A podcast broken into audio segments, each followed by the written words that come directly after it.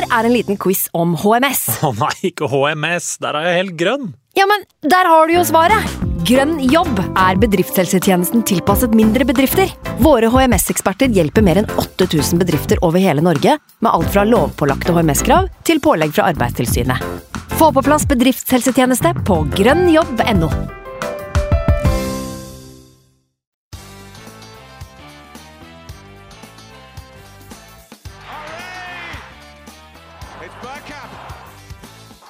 It's up for grabs now. The next station is Arsenal.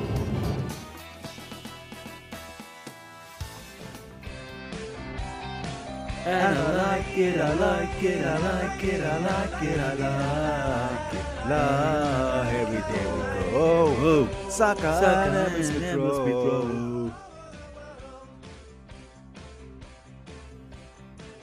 Med bortimot sølvguttlignende prestasjoner er det en glede å ønske velkommen til en ny episode med Arsenal Station med Magnus Johansen og meg, Simen Goffeng.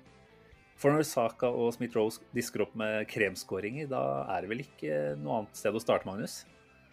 Nei, da må man rense gullstrupen og dra på litt. Eh, beklager til alle som måtte høre det her. Men eh, det er vel sånn det høres ut på puben i London nå, og for de som var der. Jeg mistenker at dette her er hakket verre. Fordi du og jeg med tre-fire innabords på pub, det blir bedre. Det er jeg ikke i tvil om. Det er ikke så lenge til vi skal eh, demonstrere det her heller. Så Da må vi til å love bort ganske mye. Hvis du lover bort uh, sang, og jeg har tidligere sagt at du skal opp og danse på bord og sånt, så, så skal vi plutselig prestere en del når vi turer til London. Den, eh, den dansen på bordet, det er jo faktisk noe man kan grue seg litt til. Da. Men at, eh, å stå på et pubgulv med 100 andre svette folk eh, og synge, det, det skal jeg klare. For det, da blir man bare en av mange som, eh, som, med, som koser seg. Eh, Jeg har faktisk et dårlig minne fra London når det kommer til bord. Jeg var på klassetur i det var vel andre klasse videregående. og hadde fått oss innpass hos en vertsfamilie i Ealing da, og skulle ut og hygge oss på en lokal pub. Og da, da røyk det et ganske solid bord under vekta av meg, da. Eh, kan ikke huske så mye akkurat den kvelden, så, så bare etter det at jeg var tagga som det bordet. Så det var ikke noe tvil om eh, hvem som var, eh, hvem som var skyldneren der. Men ja, problemet er at jeg har gått ytterligere opp i vekt, og vel så det, siden den gang. Så det kan jo fort bli dårlig, dårlig stemning hvis vi ramponerer puben opp i Is- Islington-området. er det derfor du har tenkt å sende meg på bordet? Uh, for det er du som Du driver snakka om det her, uh, om det her på podkasten jeg ikke var med. At eh, jeg skulle liksom opp på et bord og danse. og Det var nesten så jeg så for meg liksom barisstemning. Uh, Kan fort bli. Ja, du driver og trener mye. Du og promoterer de der uh, satsbesøkene dine hele tida nå om dagen. Så da tenker jeg at eh, vekta på den karen oppe på Løten, den er ikke så gæren, så da tåler det bordet deg, tenker jeg. Ja, men uh, jeg tror ikke jeg skal promotere det som er under skjorta her uh, enda. Vi får nok uh, gi noen uker til. Måneder kanskje òg. sommerkroppen, den eh, Prosjekt Sommerkroppen 2022 er så vidt i gang. Nei, fuck, Eh. fuck den sommerkroppen, sier jeg. Du skal få gjøre som du vil, men eh, jeg, er, jeg er av den typen som, eh, som lar eh, naturen gå sin gang. Ja, det var det. Det er å orke å danse bordet òg, da. Eh, det er det jeg er litt redd for. At eh, jeg, jeg, er ikke, jeg er ikke velsigna med sånn kjempebra forbrenning og sånn. Sånn at hvis jeg på en måte setter meg ned og drikker øl og ikke rører på meg, da, da er det sånn type spektrumsløsning på huset til slutt. At noen må løfte av taket for at jeg komme meg ut. For det, de kiloa kommer jævlig fort. Ja, jeg er redd for det. Men du, nå sporer vi jo veldig av etter bare tre Det her er ikke, det her, den, dette her er ikke den Det poden var for de over, det var ikke, de over 60. Det var ikke dit vi skulle. Ikke ennå, i hvert fall. Eh, Det er klart, hvis det kjøres livepodding fra London, så, så blir det nok verre enn dette. Men uh, det får vi eventuelt ta det om et par ja, det var lenge? Tre uker til, så er vi der. Ja, nå er det under tre uker òg. Under tre vi burde egentlig hatt en podkast hver dag hvor vi teller ned. Nei, Jeg har appelsinen framme med nellikbitene, så jeg teller ned på den måten i hvert fall. Men ja, vi skal vel snakke litt fotball, da, først og fremst. Eh, Det ble jo nok en trepoenger i går. Vi sitter her søndag kveld. Eh, Tre poeng mot Brighton, nei, ikke Brighton, mot Brentford. Oppskriftsmessig. eh, For så vidt litt av hvert det går an å hugge inn allikevel. Selv om det var en trepoenger som ikke på en måte lukta svidd, så, så, var det jo både det ene og det andre som skjedde der, og mye, å, mye å snakke om. Så kommer vi dessverre ikke unna at det har vært andre resultater enn helga som har gått litt i vår disfavør. Men uh, sånn er nå livet. Det er vel noe vi kan streife litt innom det også. Uh, du er jo i hvert fall tilbake igjen for fullt nå med X-spillerspalten for andre pod på rad, så det gleder jeg meg veldig til. Men den tar vi mot slutten av sendingen, som vi pleier. Så um, skal vi bare sette i gang, Magnus? Prate litt om eh, Brentford? Vi må snakke litt om Brentford, og så må vi vel uh, snakke litt om uh, supporterklubben ja, i Norge òg. Ja, ja, ja, ja, ja. Uh, Svakt av meg. Beklager. Nei, men også vi, det er derfor vi jobber sammen, er det ikke det? Utfyller hverandre. Gjør hverandre gode. Det skal vi snart gjøre i England òg, men det er en annen sak. Det er på bord. Men uh, vi har jo uh, fremdeles et uh, fruktbart og godt samarbeid med den norske supporterklubben Arsenal Norway, den offisielle sådan. og oppfordrer nok en gang alle som lytter, til å melde seg inn i, i supporterklubben. 250 raske. Så har man seks supportermagasiner per sesong. Man har muligheten til å delta på felles arrangement, eh, som er det aller feteste, syns jeg. Og så har du eh, 15% er det vel, eh, rabatt, er det det, på fotballbutikk.no på supportereffekter. Og mulighet til å søke på billetter på samtlige hjemmekamper. Så det er vel nesten ingenting, eh, bortsett fra enkelte eh, klenoder på loppemarked, som kan eh, måle seg med det her. Helt riktig. Og når du nevner supportermagasinet, så syns jeg det er på en plass å si at det klaska ned i postkassa mi i hvert fall eh, her om dagen. Det er vel to-tre dager tilbake. Eh, fått titta litt på det nå gjennom helga. Eh, det var vel sesongens fjerde eh, The Gunners Post. Eh, og da kan jeg også nevne sånn som en artig liten eh, anekdote at det var nummer 243 i rekken, faktisk. Det sier jo litt om hvor, hvor mye historie etter hvert har blitt på den blekka her hvor mm. mange gode produksjoner det har vært. Eh, mye spennende innhold, eh, som det jo pleier å være. Eh, coversaken, tenkte det var kult å bare nevne det, er skrevet av en skribent som heter Bjørn Erik Arnesen. Tenker det er greit med en liten shout-out der, for det var en interessant sak hvor man tok for seg den etiske siden med det å holde med noen av disse toppklubbene, og hvordan hvordan dette landskapet, dette klimaet med storklubber som lar seg kjøpe av uh, eiere som kun er ute etter å sportsvaske sitt eget image, og hvordan ja, vi som Arsenal-supportere også bør være bevisste da, på hvilken skal vi si, rolle vi har oppi dette her. For det er klart, Etter hvert som det har kommet til nye nye eiere, så, så, kan man jo absolutt argumentere for at både eierformen til Stan, Stan Cronky og, og eh,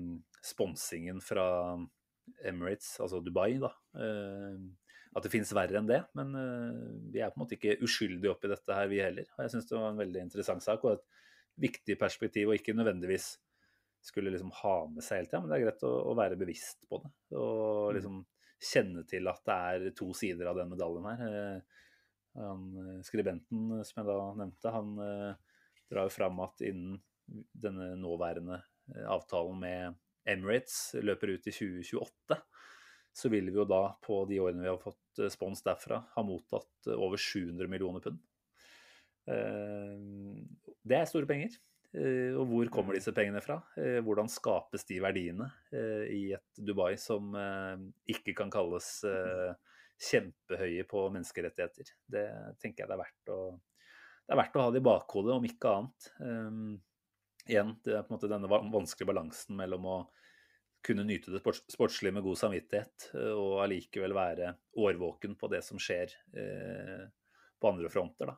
Mm. Kjempevanskelig øvelse. Og når det er kamper, så er det der oppmerksomheten vår rettes. Det er mot uh, resultatene og prestasjonene. Det er jo vi et godt bevis på. Det er stort sett det vi sitter her og wafler i, gjennom uh, uka Ja, en gang i uka med. Så ja, shout-out til, uh, til den artikkelen der, og til mye annet bra innhold i, i siste The Gunners Post, som du da får hvis du melder deg nå, så tipper jeg du får ettersendt dette her ganske kjapt, faktisk. Og så kommer det vel et uh, nytt et ut i ja, mars-april, månedsskiftet der, tenker jeg. Det er vel stort sett Mm. med et par måneders mellomrom. Så veldig mye ålreit lesning der, og, og som du var inne på, mye andre gode, eh, eller fine goder som tilsier at et medlemskap i supporterklubben er en no-brainer, rett og slett.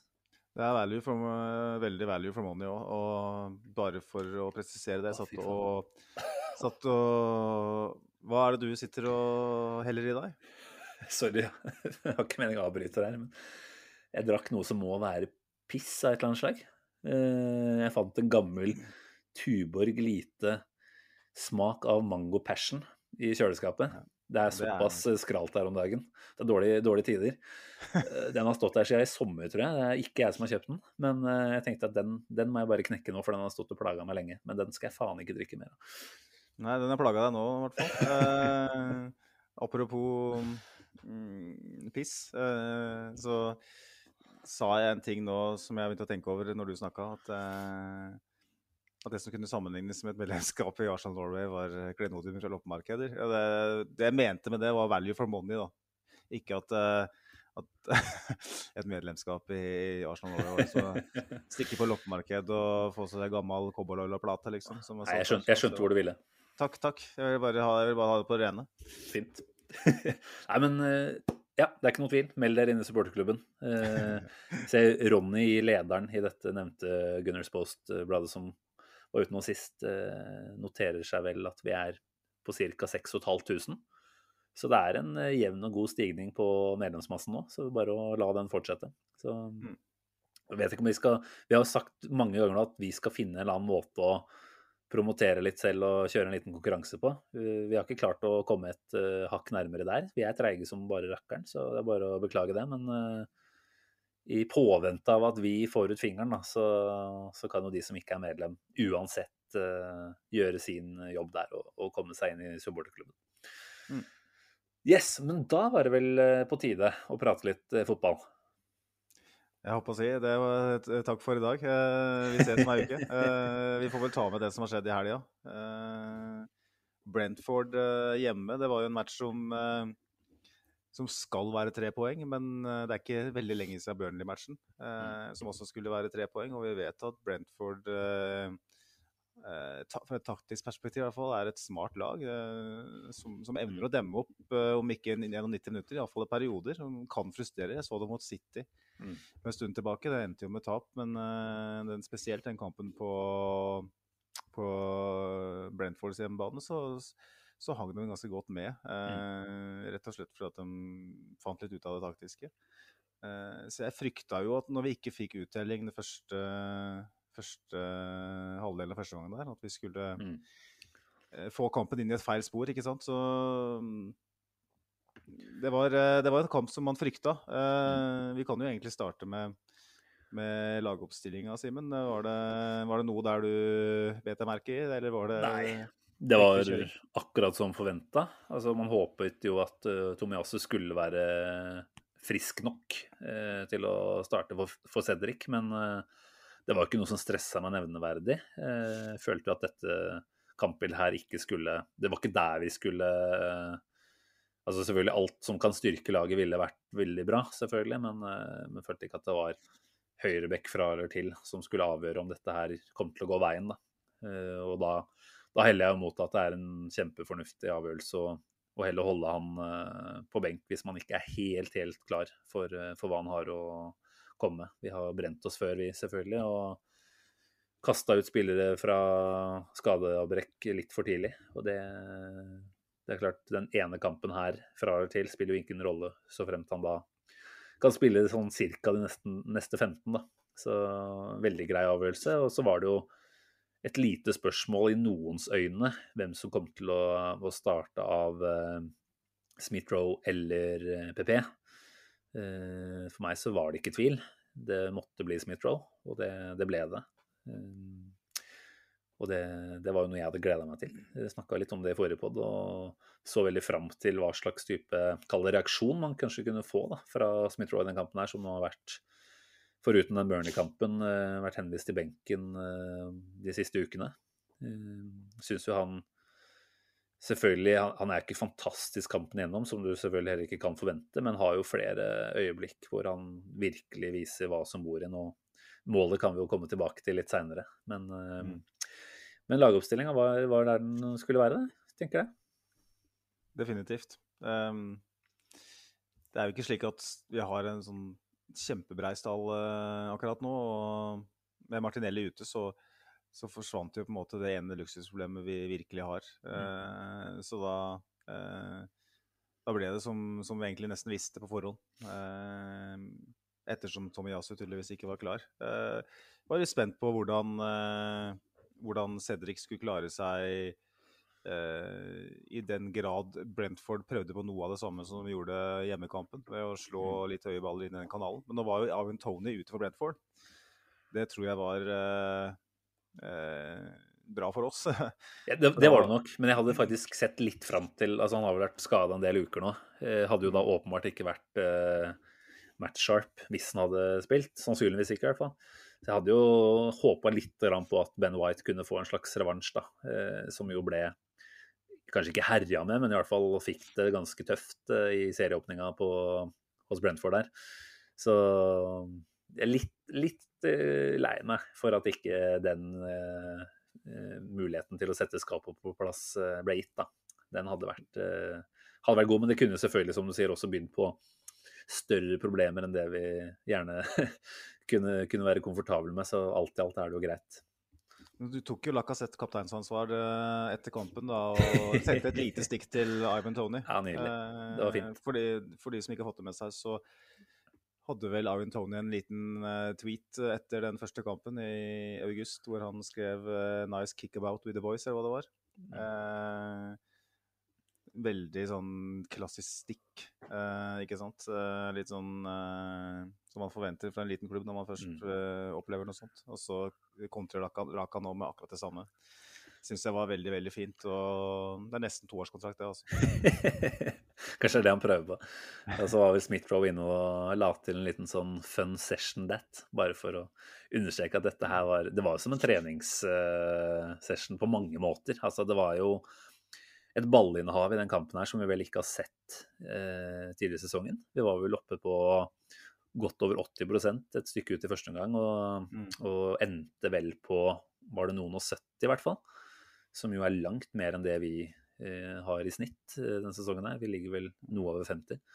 Så det var en eh, Jeg må jo si at eh, ja, du sammenligner det litt med Burnley, det Brentford-laget, hvordan de framsto. Jeg, jeg hadde jo håpa på at de skulle være litt åpnere, for det er jo det de har blitt kjent for tidligere i sesongen. Men så har jo de også gått på en ganske fæl eh, run med, med resultater. De har vel bare én seier på de siste elleve eller noe sånt, tror jeg det er.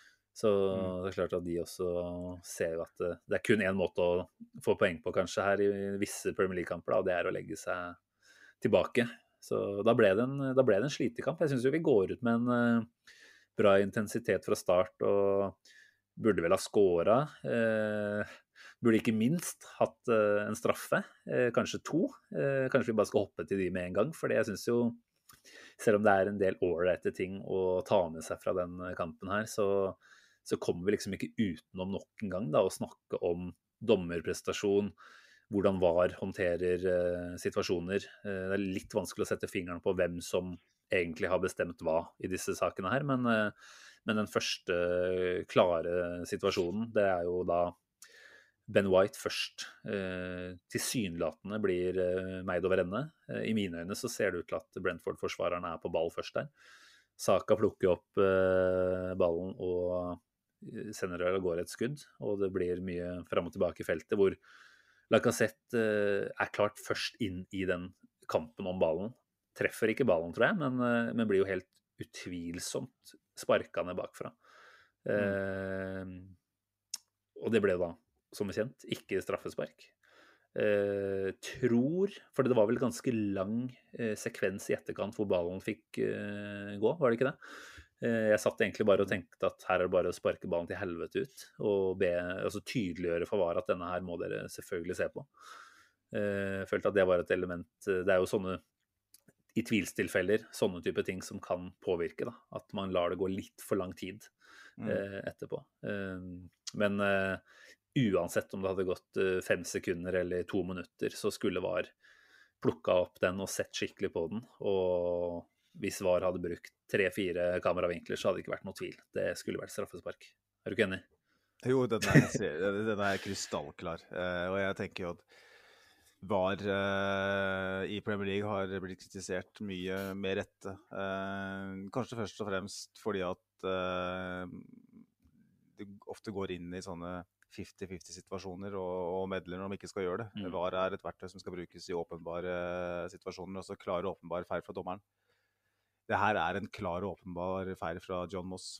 Og jeg, jeg syns jo det er Man kan si mye om John Moss sin kroppsfasong og evnen til å flytte seg rundt på en Vi, eh, vi holder oss for gode til å kommentere kroppen hans, men han er jo treig. Det kan vi si. Ja, ja.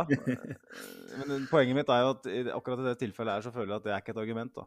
Eh, fordi at her skjer det veldig mye på veldig kort tid, og det er masse kødannelse inn i feltet der. sånn at eh, at man ikke får med seg den, det syns jeg er helt innafor. Men det er nettopp derfor vi har VAR. Når de ikke går inn der, da, da lurer jeg på liksom Hva er det de er til for? Eh, altså, blir, jeg blir ikke overraska om om det ryker fra den bussen. eh, ut fra vinduet. Sånn liten glipp fra vinduet. Her tror jeg det inntas eh, sentralstimulerende midler. For han er åpenbart ikke med. Han er åpenbart ikke på jobb. Fordi at Om de ikke får med seg det, det syns jeg det er så pinlig svakt at uh, jeg, jeg gidder ikke å snakke om agendaer og sånn heller. Jeg bare tenker at, at, de, ikke, at de ikke ser på den. uh, at de ikke vier den oppmerksomhet, det, det er helt utrolig. Den er så klar, den straffa. straffa. De andre straffesituasjonene som vi også sikkert skal nevne, dem tenker jeg at OK, da. Det, det kan vi på en måte la gå. Eh, jeg tenker at eh, noen blir gitt, andre ikke. Kanskje er det ikke en åpenbar eh, feil fra dommer, og da skal man heller ikke inn. Mm. Men her er det en åpenbar feil fra dommer, og de går ikke inn og gjør noe med det. Nei, Nei jeg, jeg tenker som du sier, altså, det er ikke noe man helst vil prate for mye om, og særlig på en kamp, eller etter en eh, dag hvor vi vinner, så vil man helst bruke tid på andre ting. Men det er kanskje nettopp da det også er riktigst å ta det opp, da, sånn at vi ikke framstår som kjempebitre. Altså vi, vi ser at dette er noe som, som skjer igjen og igjen, eh, og det kunne også blitt eh, avgjørende i en såpass tett resultatmessig kamp, i hvert fall som dette her ble til slutt. Da. Og Stian Børling skriver også noe i samme, samme ånd på Twitter. Eh, utrolig synd å ta dette opp gang på gang, selv når vi vinner. Eh, men hva må til for at FA gjør noe med den horrible standarden på dommerne i Premier League? Tre, muligens fire straffer i går. Eh, og så kommenterer han også på en tvilsom offside på Lacassette. Men eh, det var jo den eh, sekvensen hvor Lacassette satte inn Sjaka sitt eh, innlegg i mål, men det var jo Sjaka som da var i, i offside på den, da, så den er for så vidt grei. Vi skal ikke bruke tid på den. Men, men som Stian Børlingen skriver, eh, dette her eh, gjentar seg jo nå gang etter gang. Eh, generelt sett er jo standarden dårlig, men eh, det er vanskelig å etter hvert eh, si noe annet enn at dette her ikke kommer i vår disfavør oftere enn for en del andre lag. Altså, du nevner 50-50-situasjoner, Magnus. Eh, på mange måter så er det jo det det er. Uh, men når de 50-50-situasjonene nesten aldri går i vår uh, favør, da, da kan man jo ikke kalle det 50-50-situasjoner. Da er det sånn 20-80-fordeling, da. Det er jo omtrent uh, sånn vi må begynne å se på det. At eh, vi, vi blir urettferdig behandla. Andre klubber får, eh, får disse 50-50-ene ca. annenhver gang, da. Det er derfor det heter 50-50, mens vi er heldige hvis vi får det én av fem, kanskje. Ja, det er, det er helt riktig det. det. Det har vært eh, spesielt denne sesongen her, føler jeg, eh, helt utrolig utur, i, hvis man kan bruke det begrepet, eh, når det gjelder dommeravgjørelser. Og mm, jeg tenker jo at Hva kan man gjøre med det sjøl? Jo, jeg tenker jo at Cedric Suárez kan dele de nakenbildene han har av dommerstanden med de andre på laget. Jeg tenker han kunne sagt Jeg så jo ut som når han satte inn den taklinga der i andre omgang, som jeg tenker Granit Xhaka har fått oransje kort for, i hvert fall. Eh, så ser jeg han legger hånda på skuldra til John Moss og sier sannsynligvis den, den fuktige kvelden i saunaen når jeg hadde med meg mobilkamera. Eh, husker den, ikke sant? Ikke noe kort her, eh, Jon. Fordi han, han holdt, sånn mot, holdt på sånn mot Wolverhampton òg. Mm. Han kunne faktisk blitt utvist mot Wolverhampton Cedric, Ja, ja, ja. hvis han hadde vært uheldig. Og at han ikke fikk gult der, er for meg et mysterium. Men han er òg den eneste som jeg føler jeg har observert i det Arsenal-laget her, som slipper unna med ting. Eh, alle andre blir bedømt kjempehardt. Mm. Eh, og man kan jo liksom lure på Nå må vi kanskje se det litt over en lengre periode, da. Men vi har jo snakka om trynefaktor der, og vi har snakka om det der faktum at man opparbeider seg et rykte, et renommé, over tid. Eh, hva Cedric har gjort i Southampton, sånn, det vet ikke jeg, men han eh, Jeg er helt sikker på at Granit Xhaka hadde ikke sluppet unna med de samme tingene som Cedric har sluppet unna med. Eh, Sannsynligvis ikke, nei. eh, det er veldig, veldig sært. Og mm, nå har det vel faktisk, uten at vi skal eh, spore for mye over på dom, dommere her i dag, så, så kom det vel en uh, breaking uh, story fra The Athletic uh, den uka her, som har gått, om at nå skal det faktisk revolusjoneres noe innad i dommerstanden i England. Mm. For at nå har noen fått nok. Eh, og det er i alle fall eh, litt betryggende, da. Eh, at det faktisk for jeg trodde ikke det var mulig at noen skulle utfordre dem. i Nei. Nei, Arteta var jo tydelig på etter den Wolves-kampen at han ville At han ønsket i hvert fall eh, samtaler, eh, møter med dommerledelsen. Eh, så bekrefta han vel etter den kampen nå at han ikke har hatt det ennå. Eh, men han er jo helt klart en av de som har gode grunner til å stille en del spørsmål rundt eh, hva ulike avgjørelser eh, Ja, nå hører jeg meg selv i ekko her, jeg håper ikke det gjelder for eh, innspillinga også. Men, men at Arteta har mange gode grunner til å føle seg ja, Kall det litt sånn ekstra dårlig behandla, da. Det er tross alt jobben hans som står på spill her. Og når du Mm. gang på gang blir offer for sånne halvdumme vurderinger, eh, så, så er det klart at du mister tålmodigheten til slutt. Så det blir interessant å Får kanskje ikke vite hva som kommer ut av det møtet som sådan, men eh, hva som eventuelt kommer ut av en sånn eh, intern eller ekstern evalueringsprosess, da, det, det må vi jo Vi må i hvert fall kunne forvente noe.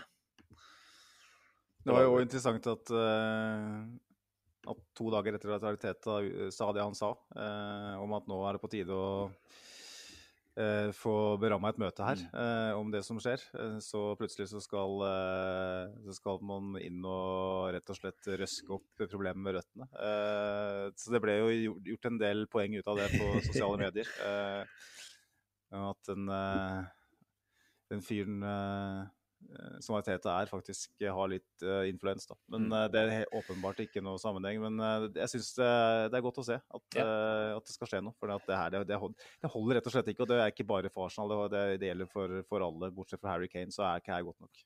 Kan vi være enige om at så fremt ikke mannen på toppen kuttes rett av, så er vi fortsatt ikke så mye lenger. Så hvis den evalueringa ender på at Mike Riley ikke på et eller annet vis blir degradert til en annen sånn løpeguttjobb, så, så er det nesten bortkasta tid. Han sitter Mm. på toppen der og virker å utøve ganske dårlig innflytelse på den gjengen under seg. Men ja, det var, eh, var det dagens vareprat, eller er vi ikke helt ferdig? Det var jo da denne Hensen eh, som var eh, straffesituasjon nummer to. Kom jo flyvende inn fra sida her, eh, han eh, Brentford-forsvareren, idet Cedric eh, avslutter. Så tilsynelatende ut til at det var en ganske god retning på det skuddet også, som treffer bakken Mm. først. Spretter opp i hva skal vi kalle det? Eh, han kommer inn fra sida, har jo åpenbart armen i en litt sånn unaturlig posisjon, selv om man selvfølgelig kan akseptere at anatomiens eh, lover tilsier at du må ha den armen ikke i hvert fall strakt ned langs når du kaster en sånn. Men igjen, du skal ta ansvar for at armen din er der. Han gjør seg større. Uh, han får den vel i et slags sånn, ja, albueområde. Uh, og når vi da ser at uh, City får straffe mot eh, Spurs på en ball som treffer ca. samme sted på Spurs-forsvareren, om enn ikke det er en sammenlignbar situasjon, så, så føler jeg igjen at det forsterker det inntrykket da, av at noen klubber får, får disse her tvilstilfellene i sin favør oftere enn oss. Mm. Jeg, jeg tenker at eh, du, du sa vel at den situasjonen var mer grei, og det er den kanskje, men for meg så er det et ganske klart straffespark. Og jeg føler meg ganske trygg på at vi hadde fått straffe imot der. Ja, ja kanskje. Kanskje. Ehm, jeg føler jo at Altså, han, han, har, han, han, har jo ryggen mot, selvfølgelig. Jeg vet ikke om det er et argument, men han, han har jo armen i en form for nat en naturlig posisjon, selv om han blokker et skudd som er på vei mot mål. Jeg, jeg tenker jo at jeg syns det er mer straffespark enn ikke straffespark. Mm. Jeg, synes, eh, jeg tror ikke VAR hadde gått inn og eh, justert det hvis dommeren hadde dømt straffe der. Definitivt. Men jeg føler liksom at, det, at den er sånn helt krystallklar og åpenbar, eh, Mm. som VAR i utgangspunktet skal eh, bedømmes. Så da tenker Nei, jeg at det er greit. Men Det er igjen, det er, med, det er noe med at vi, vi, vi har et perspektiv som handler om eh, dømmingen i Premier League i denne sesongen her spesielt, og kanskje over lengre tid. sånn at vi, vi ser på det på en litt annen måte enn uh, enn vi ville gjort hvis dømmingen i Premier League stort sett hadde vært bra. da. Mm, Uh, mm. det er jo det som er problemet her, at det er ikke konsekvens. Det er, det er inkonsekvent hele veien. sånn at man, man, man Vi kan på en måte ta dem hele tida hvis vi vil. Uh, og det, blir jo, det er jo fristende å ta dem når, når ting går såpass imot så ofte som, som det det gjør. da. Ja. Og den Lacassette som vi nevnte, den, den er så åpenbar at Ja. uh, da, da, da, har man ikke tillit til at, uh, at de andre blir bedømt riktig heller. Ja, det minte meg litt om den hvor Chambers, var det vel, i fjorårssesongen ble takla. hvor vi skårte mål. hvor det da ble gitt frispark imot istedenfor. Uh, ja, Palace uh, hjemme. Ja, det er noe hinsides opplegg, men eh, Nei, faen, altså. Jeg tenker at vi, vi er lei av å prate om det, eh, men man må allikevel ta det opp, da. Eh, kommer liksom ikke utenom. Og så føles det kanskje greit å gjøre det også etter kamper hvor man faktisk vinner. Sånn at man ikke bare sitter igjen og framstår som bitre supportere som klager når det går mot. Eh, poenget er jo at dette her kunne kanskje vært mye mer komfortabelt, eller enda mer komfortabelt på tidligere tidspunkt. da. Så selvfølgelig. Nå får vi jo, Mm. får vi jo en ganske Kanskje vi skal bevege oss over til andre omgangen med en gang. Eh, hvis første omgangen er ferdig prata. Det var vel eh, for øvrig en første omgang hvor vi hadde 16 skudd, eh, eller avslutninger, eh, som vel er flest for noe lag eh, denne sesongen her i første omgang, faktisk. Eh, og så var det vel et ganske drøyt antall eh, innlegg der også. Jeg husker ikke akkurat, men jeg tror det var sånn 35 eller noe innlegg. Eh, mot eh, bl.a. Lacassette, og jeg syns jo Silje Svendsen på Twitter, eller Mm. Trygdeturid som hun jo kaller seg. Fint eh, nikk, vi liker det. Eh, hun kommenterer på det. Eh, mange, innlegg i boks på en ensom Laka. Savner at de fyller på mer i boks når Tierney og Suárez kommer rundt. Eh, det bedra seg jo, hvis man kan si det, da, i andre omgang. Det var færre innlegg da. Eh, det er klart, med tanke på at vi fikk den tidlige skåringa også, så tilsa jo det at vi kunne komme fram på en litt annen måte. Men eh, Mm. hun har vel et godt poeng her. Når hun etterlyser at man først holder på med disse innleggene, så må man jo i hvert fall ha flere å sikte på der inne. Ja, jeg tenker jo at eh, at, man, at man i det hele tatt svinger inn Ja, eh, baller i luftrommet. Det var vel kanskje, kanskje mitt uh, største ankepunkt med førsteomgangen i pausa i går. Uh, det var det jeg var mest kritisk til. Jeg syns vi spilte en jævla bra første omgang. Jeg syns det funka veldig bra, stort sett. Uh, noe tallene viser, selvfølgelig, som du er inne på. Men at man til stadighet uh, svinger den ballen inn i lufta. Når, når Lacassette står der alene mot tre midtstoppere som alle er høyere enn, og, eh, alle er bedre i lufta enn det, det, det, det her er jo ikke noe nytt. Eh, det her er noe vi egentlig holdt på med under hele Aritetas Mm. regjeringstid. Eh, og så har vi jo tatt store steg eh, over hele fjøla, egentlig. Sånn at man det har blitt mindre og mindre synlig. Men Mm. det er en sånn fallback option som Arsenal Ja, ja. stadig vekk faller tilbake til når man ikke klarer å gå gjennom sentralt. Jeg tenker at Mm. man, man må bli flinkere til å være tålmodig. Absolutt. Sånn, så, og heller da spille den støttepasningen, heller eh, holde litt ballen litt i lag og vente på at, eh, at, eh, at man kan fylle opp litt inn i boks. Mm. få noen bevegelser på første stolpe, noen litt kalde Kall det Smith-Roe-bevegelser litt fra dypet, Mm. som en andre bevegelse. Og så slå den ballen langs bakken da, når man er Mm, tvunget mm. til å slå innlegg. For at det er jo det Brentford ønsker, òg, Ja, ja. ikke sant? Akkurat som Burnley gjorde det. Presse hus på sida, for de vet at hvis vi må slå innlegg, så, så kommer de til å klarere 19 av 20. Mm. Uh, Eller 35 av 35. da. Men, Ja. uh, men det jeg tenker her, er jo at som du sier, altså, dette er jo villet fra Brentford sin del. Det er jo derfor vi kommer til de mulighetene så ofte. Det er fordi det er der vi tillates å, å gjøre noe. I særlig grad. Vi, vi klarte andre ting også altså, i den første gangen her. Men, uh, men kunne man ikke altså, Jeg tenker jo det er et veldig godt poeng at man rett og slett, når man har så få, da, så er det åpenbart ufarlig i Brentfords øyne. De har full kontroll. Men kunne man ikke ved å eh, altså Man ser da fra sidelinja at her, her tillater Brentford oss eh, stadig vekk eh, rom på kant. Det funker jo åpenbart ikke sånn kjempebra per nå. Men kunne man ikke da instruert f.eks. en party om å ta de løpene inn? altså Han er jo ikke en fantastisk hodespiller, men han har i hvert fall høyden. Han vil framstå som en viss trussel. Da. Altså Hvis du instruere han litt tydeligere på å komme kjappere inn i boks når man ser at ballen er ute på kant, klar for innlegg. Så ville man jo altså Jeg sier ikke at man omsetter de mulighetene i skåringer nødvendigvis, men jeg tror man ville klart å uh, utgjøre en litt større trussel, da, som sannsynligvis i neste omgang ville medført at Brentford da tenker ja, faen, kanskje ikke det er så kjempelurt å la de slå 30 innlegg uh, upressa fra, fra siden. Kanskje vi må ut og presse, så skapes det mer rom til å spille andre steder istedenfor. Altså, det er noe med at vi bare fortsatte og fortsatte med det samme, da. Eh, om, omtrent. Eh, kunne man prøvd å liksom ja, gjort en liten tweak der, da. Sagt til Party at her tar du det løpet inn eh, litt oftere. Så i beste fall kommer du til en avslutning. I verste fall så, så tenker Brentford at uh, dette her uh, er vi ikke så komfortable med, rett og slett. Da. Og så blir det mer muligheter på andre måter. Ja, og så får du flytta litt på, på spillerne til Brentford òg, ved å komme med flere, flere mann. Altså det, eh, det, er jo på en måte eh, Det enkleste man, kan, man gjør, er jo å, bevege, seg i, i, såkalte samtidige bevegelser, eh, litt i forskjellige retninger. Og så Noen kommer på første stolpe, noen kommer mm. dypt. Så, så, er det på en måte veldig enkelt at det kan bli en tellefeil defensivt for Brentford. da kontra sånn som vi holdt på i går. At Lacassette skal opp og duellere med Ayer og Pinnock og Jans, Jansen.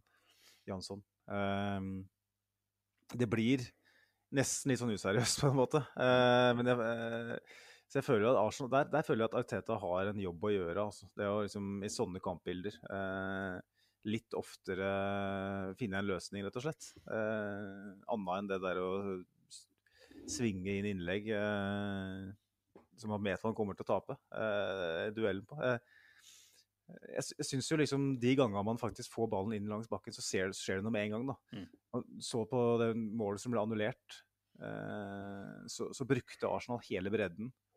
Man fikk svingt ballen litt fram og tilbake. Fikk strekt i, i forsvaren til Brentford. Vi kaller det for Brighton, begge to.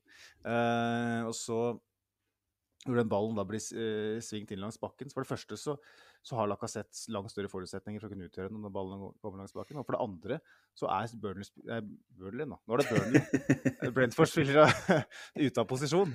Ikke sant? Sånn at uh, nummer én her er jo å klare å flytte på den der treeren ikke sant? som ja. står der og hopper. Og bare, når den på en måte kan stå og, og, og, spille på sine styrker, på sine godføtter eller godhoder, så, så, så blir det vanskelig. Eh, men samtidig, da, Simen, så eh, Nå skal vi videre til andre omgang etter hvert. Uh, vi skapte mer enn nok av andre typer sjanser i kampen her òg, ja. til å vinne. Og vi vant bare med ett mål, men det burde ha vært tre. Ja da, det var jo veldig flatterende for Brentford sin del, dette her. 2-0 følte jeg på en måte Det var solid, og det ga et ålreit inntrykk. Og så når de får den på slutten her, så er det jo ja, det blir jo til og med bitte litt skummelt rett etterpå også. Men nå foregriper vi begivenhetene litt. Eh, måten vi tar ledelsen på, er jo ja, kanskje litt sånn som vi måtte forvente. At det var, eh, var en av disse unggutta eh, som skulle by på litt ekstra X-faktor. Eh, det er jo det vi på en måte har vært så Hvis du skal si hva som har vært den ene gjennomgangsmelodien denne sesongen her, så har det vært enten Saka eller Smith-Roe som byr på noe litt utover det vanlige. Og Smith-Roe sitt mål eh, vil jeg si er litt, eh, litt undersnakka, egentlig. Eh, altså at han har fått ros for det, men jeg syns det er et fantastisk bra mål. Eh, igjen, selvfølgelig, vi er, vi er, raske når det er en uh, slags kontringsmulighet der. Og, og Smith-Roe er god på å sette fart rett mot forsvarerne. Men måten han, uh, med to forsvarere egentlig imot, velger akkurat riktig både tidspunkt og sted da, på å ta en liten sånn kroppstyngdeoverføring og, og, dra seg innover.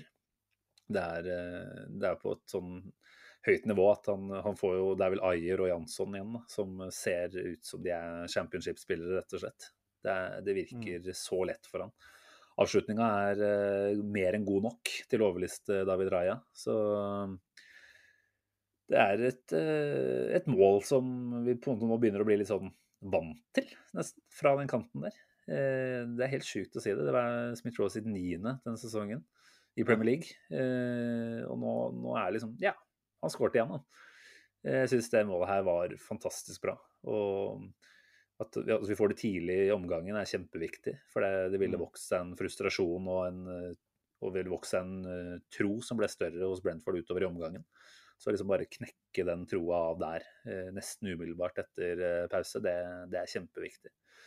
Så mm, ja, kom med noen adjektiver om, om Smith-Roy du også.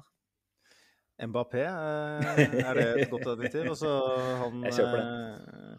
Det var jo selvfølgelig en helt annen setting og en helt annen motstand, men det var jo litt det samme Mbappé gjorde mot eh, Real Madrid i, Ja, i, i midtuka. Han drar seg mellom eh, to mann eh, med en sånn type kroppsfinte, og så setter han det lengste. Ehm, det er jo Vi trenger jo, som du nevner, magi fra en av de unge spillerne våre, og, og Smith-Roe han er bare så ekstrem. Mm. Uh, han har et sluttprodukt som nå etter hvert nærmer seg blant de aller, aller beste i ligaen, rett og slett. Uh, vi har jo sett litt på tallene også, Simen. Uh, jeg noterte meg vi, vi tok den seansen her før innspilling, hvor vi så litt på antall uh, skåringer per 90, eh, som, ikke, som da ekskluderer straffespark. Mm.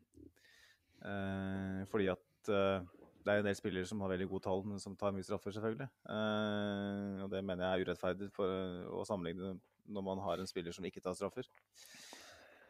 Jeg noterte meg, jeg vet ikke om du gjorde det, Simen? Eh, Jeg regna vel ut, ja. Du noterte. Så vi var et Ja. uh, bra team der. Jeg har ikke noe tall foran meg nå, så de får du ta.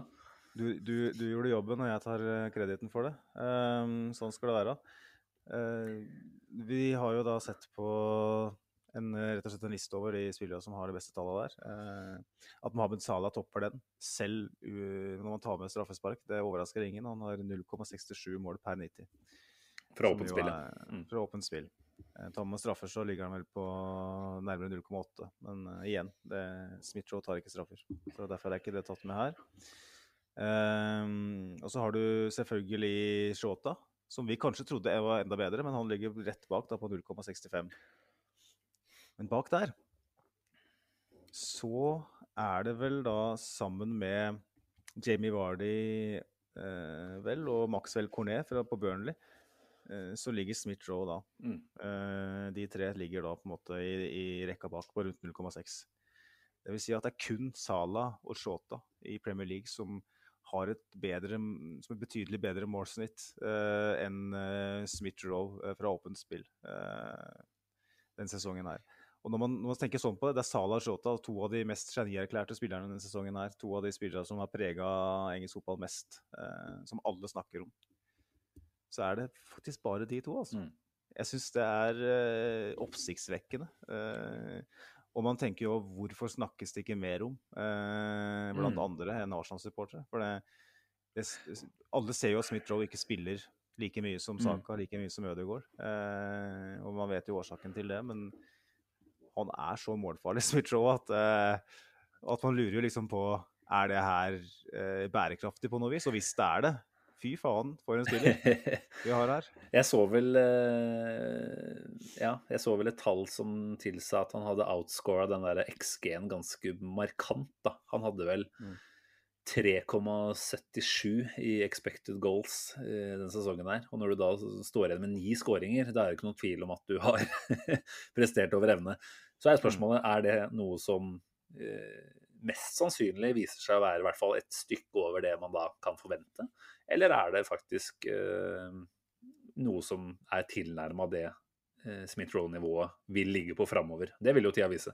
For det er ikke noen tvil om at eh, de beste spillerne de outscorer jo XG-en ganske markant eh, stort sett hver sesong. Så mm, vi får håpe. Jeg er litt uenig med deg når du sier at han ikke har fått så mye oppmerksomhet for dette her, annet enn innad i Arsenal. Jeg syns jo for en del av de Match of the Day-sendingene jeg har sett på, særlig tidligere i sesongen, hvor han jo starta alle kampene, så var de ganske rause eh, med både Saka og Smith-Roll. Mm. naturlig nok så har jo det eh, dempa seg litt når Smith-Roll bare kommer inn fra benken, men også skårer mål, da, så du kan jo selvfølgelig eh, gi, han, eh, gi han en del eh, creds for det fortsatt. Men, eh, men jeg syns jo absolutt at han er en spiller som har slått gjennom på den store, altså i hvert fall nasjonale scenen nå i England. Eh, noe som også viser seg at han er på landslaget. Det regner jeg med at han vil være med neste, neste tropp også, som jo bare er et par uker unna. Så jeg tenker jo at han eh, at det, det spennende her blir å se hvor mye han kommer til å spille. Eh, for han viser jo at han eh, leverer stort sett i hver eneste kamp. da. Mm. Han har vel Er det to målgivende også? Så det er klart det er ikke kjempetall sånn sett, men, men det sier jo kanskje litt om at han har en litt annen rolle eh, den sesongen her òg, da. Men, eh, men ja, apropos det, det, siste spørsmålet jeg stiller der. Eh, hvor mye kommer han til å spille framover? For nå, nå, er det jo ikke noe tvil om at han var på mot Brentford fordi Martinelli var ute. Eh, nå spiller vi mot Wolverhampton igjen om bare noen få dager. Hva tror du vi får der? Er det Martinelli tilbake, eller er det Smith-Rose som får fornya tillit? Ja, nei Normalt sett så, så er det greit å forutse lagoppstilling og, og sånt uh, akkurat nå under realiteten med de spillene man har, men akkurat der syns jeg det er vanskelig. Mm. Jeg tror jeg har en liten hunch på at Smith-Roe får fortsette, fordi mm. at han tross alt spilte en så avgjørende rolle mot, uh, mot Brentford. Uh, og kunne absolutt ha hatt flere målpoeng her. Selv om han kanskje ikke hadde så mange avslutninger, så hadde han en del eh, skapt ned et par sjanser blant annet, som kunne ha endt, i mål. Eh, jeg føler jo at Arteta, under Arteta så har vi sett veldig tydelig at når man først har kapra en posisjon, så må man nesten spille seg ut. Jeg mm. tenker jo at akkurat når det gjelder Cedric og Tomiyasu f.eks., så er det så tydelig at Tomiyasu er et førstevalg eh, der. sånn at der blir jeg veldig overraska om det ikke blir bytta. Men uh, på venstrekanten der så tror jeg vel kanskje uh, Smith Joe får fortsette. Og jeg syns det er litt urettferdig om han ikke får gjøre det heller. Uh, jeg syns jo Martinelli har spilt veldig, veldig bra, men uh, når det gjelder mål, målproduksjon, så, så, har han jo ikke eh, Etter den eh, de par matcha i, i, i, desember mot Leeds og Norwich og sånn, så har det jo ikke vært noe særlig der. Så mm. jeg vet ikke hva du tenker, Simen? Nei, jeg er enig. Jeg, jeg ønsker å se Smith-Roe igjen eh, på torsdag. Eh, veldig, veldig usikker på om det kommer til å skje. Han ble vel tatt av etter Var det noen og 70 eller noe sånt, eller? Man kan jo tolke det da mm. to retninger. Det ene er at han da klargjøres for en ny start. Eh, men Saka sto jo kampen ut, gjorde han vel. Mm. Eh, og forventer vi jo at vil starte, så forventer ikke PP plutselig skulle fått en start der, da, men det ville overraska meg ditto mye. Eh, med tanke på at vi har da spillefri eh, halvannen uke igjen, er det vel etter det. Så det blir liksom noe med å, å makse ut jusen fra, fra, alle på laget nå mot Wolverhampton. Så jeg mm. håper Smith Roll. Og så mm, er jeg veldig spent på hvor den kampen står etter sånn 60-65. Eh, kunne veldig godt ha likt å se eh, Martinelli inn for Lacassette de siste 25 i den kampen der. Eh, Tviler igjen på at det skjer. Nå har vi en Ketia som sannsynligvis skal inn der. Eh, han, bare, han gir meg så lite, en Ketia. Eh, så for meg så er det nesten å kaste bort tida. Så fremt til ikke man uh, føler seg trygge på at han kommer til å signere en ny kontrakt, så, så tenker jeg at han skulle ha sett minst mulig spilletid, egentlig. Jeg syns ikke han tilbyr noe av det Lacassette tilbyr. Så uten at dette skulle bli en Nketia-prat, så syns jeg det er uh, bare rør. Annet enn mm. at jeg skjønner det fra et perspektiv hvor man ønsker å hvile Lacassette. Men da når vi har Martinelli tilbake igjen nå, så, så, kunne det vært interessant å se om det var en løsning. Men jeg tenker det avhenger veldig av kampbildet, selvfølgelig. Ja, det har vi snakka litt om i poden her òg, at uh, uh, den type måte Aubameyang løste denne rollen på mot Tottenham hjemme f.eks. i september eller oktober, når det var. Uh, når han lå litt på skuldra der.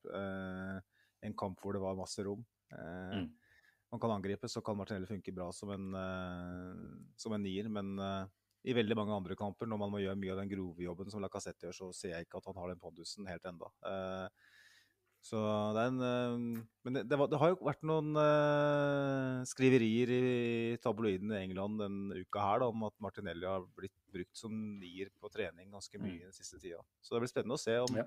om, om, det skjer noe der. For som du sier, hvis eh, Lacassette blir skada nå og Eden Ketia skal inn og spille fra start, da tenker jeg vi kan kysse, eh, topp fire goodbye. Det, Mm. det har vi ikke sjans for. Han han, Med mindre han plutselig, plutselig eksploderer. fordi at han har fått mange sjanser nå, Mm. altså. Han har det. Eh, og det er ikke nærheten. Jeg ble småsvett når Lacassette gikk ned der. Det var vel sånn at han holdt seg til kneet også, vel, eh, i første omgang. Eh, Da frykta jeg virkelig at For han pleier jo Ok, han ligger jo ofte nede, da, men, men eh, det er ikke sånn at han opptrer så veldig skada. Men akkurat der holdt seg til kneet og ser ut til å ha det ganske vondt. Da frykter jeg at eh, nå ryker eh, mange kamper for hans del. Og da er vi altså så tynne. Så da hadde det bare vært å kjøre på med alt annet enn en Ketia, egentlig.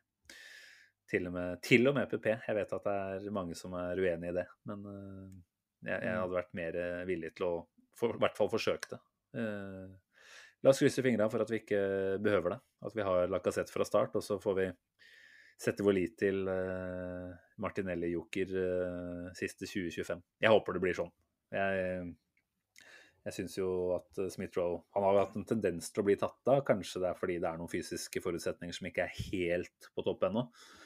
Men, eh, men det er klart eh, 70 minutter nå skal ut mot et Wolves som da har én dag mindre hvile. Det er klart det er jo fortsatt søndag-torsdag, så det skal jo ikke utgjøre noen sånn kjempeforskjell, da. Men eh, jeg føler at det er eh, ting som burde tilsi at både Smith-Roe starter, og at han får lov til å spille mesteparten av den kampen her, egentlig. Mm. Vi, vi får se. Eh, Men vi må over til andre mål også, som jo fortjener litt, litt omtale. Thomas Party som plukker opp ballen etter at Lacassette har vært jeg vil ikke si smårøff engang med Pontus Jansson, men han svenske stopperen han var jo kjempeklar for å få frispark på den der. Eh, klarte vel å snakke på seg et eh, gult kort etterpå også, men eh, det fantes jo ikke frispark, så helt riktig å la den gå. Det var ikke noe Altså, en liten del av meg lurte på om VAR skulle inn og sjekke, eh, fordi så dumt har det blitt, liksom. Heldigvis ikke. Ja. Eh, Party plukka ballen. Trodde han hadde tatt den med seg litt for langt og litt for lenge. Tenkte han burde ha sluppet den tidligere. Men når han først slipper Sa- Saka ut på venstre der, så, så har jo egentlig Saka bare én ting å gjøre, og det er å legge til rette og fyre. Og det gjør han jo med bravur. Mm. Mm. Eh, han gjør det. Han gjør det. Eh, jeg har la opp til Smash der, så jeg skal Ja, jeg tenkte du skulle få det. Jeg sitter, jeg, jeg, Sitter og drømmer jeg, jeg sitter og koser meg med de her eh, eh, seksuelle uttrykka du har i ansiktet når du snakker nå. Fordi at skjermen fryser. Skjermen min fryser omtrent hvert femte sekund når du prater. Og hver eneste gang så ser det ut som enten sitter på dass eller eh, driver med noe helt annet eh, på hemsen. Så det, det er gøy. Jeg skulle egentlig tatt litt bilder underveis. Der, det- Ja, det må du begynne med. um, men apropos den, uh, den, den skåringa, da, så For en avslutning. Ja. Det, er, det er ikke et venstrefotlegg i det hele tatt. Ballen skrur jo på en måte vekk fra mål. Eh, det vil si at keeperen eh, har jo i utgangspunktet større forutsetninger for å nå ball eh, Ja. når den skrur utover på den måten. Men det er så hardt, det er så kontant. At det, det, har vært interessant å, å vite hvor, hva slags uh, hastighet det var på den ballen. Men Mm. den, det var, og han brukte innsida av foten. Det var et spesielt mål, altså. Det var eh, en avslutter i særklasse som, som satt den, altså. Og eh, igjen Bukayo Saka. Uh, som bare blir mer og mer toneavgivende for laget her. Uh, han, han var jo sammen med Ødegaard eh, best i første omgang. og Mm. det skulle bare mangle at han på en måte uh, satte sitt preg på, på, på, begivenheten om å sette inn den. En, eh, en skikkelig f- frekk scoring. Altså. Og, vi trenger det òg. Vi trenger at, eh, at, at Saka bidrar i målprotokollen. Han Mm. skåra jo bra i, i desember. og um, skåra mot City første nyttårsdag. Uh, vi trenger at uh, Jeg føler liksom at jeg klarer, jeg klarer ikke helt å forvente at Ødegaard og Saka og Party skal bidra all verden, men at Saka, Smith-Roe, uh, forhåpentligvis Lacassette, Martinelli, de spillere der må bidra. Og Saka, han, han gjør det. Og Mm. Det var viktig, en viktig scoring òg, for jeg føler liksom 1-0 eh, uansett eh, motstander er farlig. Um, eh, føler at Arsenal er gode på å forsvare 1-0-ledelser. Det har vi visst over lang tid nå. Men Mm. Det var på en måte et, Jeg følte jo at Brentford måtte litt frem. Åpenbart, når vi skåra det første, så, så så du jo at vi hadde 16 skåringer Nei, 16 skåringer. Det hadde vært fint. 16 avslutninger i første omgang. Men uh, du så jo etter at Smith-Joe skårte, så, så skapte vi nesten ingenting før uh, Saka banka igjen den. Uh, og Brentford Kanskje burde Brentford ha tenkt annerledes i går og, og gått litt mer i strupen på oss, for det følte jo at liksom det, var det var jo ikke helt ufarlige. De sliter jo åpenbart med å skåre mål, så, men de klarte jo å få ballen inn i farlige soner. og Mm. små, små marginer der en del ganger. Og da jeg fikk den 2-0-skåringen, så var det liksom ned med skuldrene. og Det var, det var en helt avgjørende skåring. Ja, absolutt. Ja, det ble jo det. Kan du bare dra kjapt over på mannen du nevnte i en bisetning her, eh, Ødegaard. Syns jo at eh, vi, vi som eh, nordmenn, eh, Magnus, vi må kunne tillate oss å skal ikke si runke til, men i hvert fall nyte, nyte Jeg jeg, jeg det å ha en eh, nordmann som rett og slett har funnet eh, formen og storspiller, da. Altså det er lett å, lett å bli kalt litt sånn uh, nisseluer hvis man driver og snakker opp uh, norsker uh, som gjør det så der, og gjør det uke etter uke. Men jeg føler at i den poden her så har vi ikke vært så veldig på å prate opp uh, Ødegaard. Altså kun når det er veldig fortjent. Mot Brentford syns jeg var en sånn type kamp hvor han ikke får veldig mange overskrifter og veldig mye oppmerksomhet. Eh, ser jo at han er ganske lav på ratingen hos de ulike statistikkselskapene også. Eh, er ikke i målprotokoll, har ikke assist, men eh, for meg så er han egentlig banens beste mot Brentford. Mm. Eh, det var i hvert fall det jeg stemte på eh, etter, etter kampen. Eh, det er jo sånn at han leker utpå der. Altså, han har blitt så komfortabel. Han har så lave skuldre nå. Og, og den kampen vi liksom alle husker tilbake til fra fjorårssesongen, borte mot uh, Westham, eh, som selvfølgelig var en spesielt god kamp, hvor han da var, var han ikke tredje sist på nesten alt som skjedde av uh, skåringer. Eh, men, men han byr på så mye kreativitet, eh, så mye lekenhet. altså Bare den der, det overhoppet han har rett før pause, hvor han slipper til Saka, får en ball, spiller Saka rett igjennom uh, ut på kant. Da vel å merke så blir det ikke noe sånn kjempemålsjanse av det. Men, uh, men han, han virker altså å kose seg uh, ordentlig nå. Litt av og på fra kamp til kamp, men sånn jevnt over nå, over en lengre periode, så har Ødegaard definitivt vært en av våre beste spillere. Det føles jo litt ut som at Emirates begynner å bli en slags lekegrind for han nå. Ja, ja. Han er i ferd med å stabilisere seg på et veldig høyt nivå. eh, og har kritisert ham en del fordi at han ikke virker å tåle lengre avbrekk. Da. Men nå har det jo ikke vært noe annet enn lengre avbrekk mm.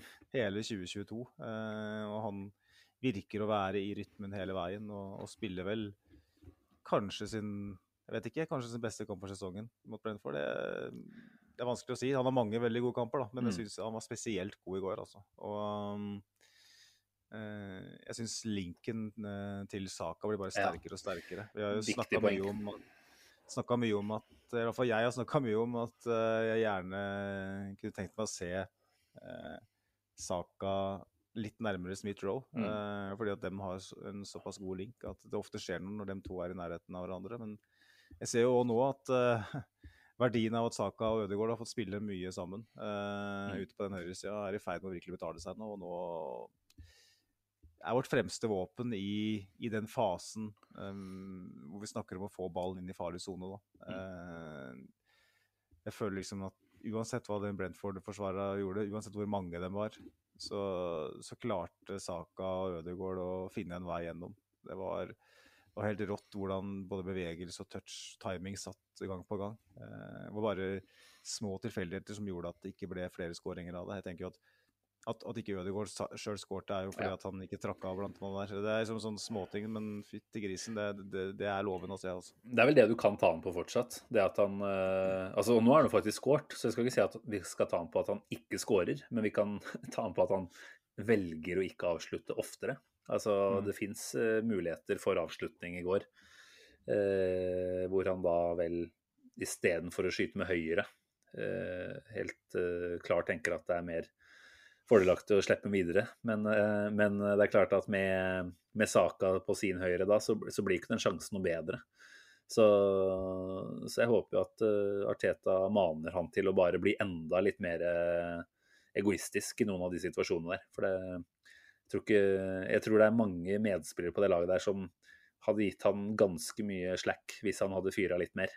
Ser jo stort sett spillere som slår litt opp i ut med armene og sånt hvis, uh, hvis lagkompisen skyter når de heller skulle ha blitt sentra til. Men jeg føler at Ødegaard har så mange plusspoeng på den andre kontoen. Da. Han spiller stort sett alltid, også når han til og med burde ha skutt. Så, så for mm. lagets beste så, så, tenker jeg at han absolutt kan dra til litt mer. Han, han hadde et ålreit skuddforsøk. I første omgang så ble, gikk vel via en forsvarer ut i corner. Bra trøkk i den. Og så hadde han jo selvfølgelig denne hvor han kommer alene med, med keeper i andre omgang, etter en uh, sånn merkelig foranledning med uh, Lacassette der. Men da er jo ikke avslutninga kjempegod, dessverre.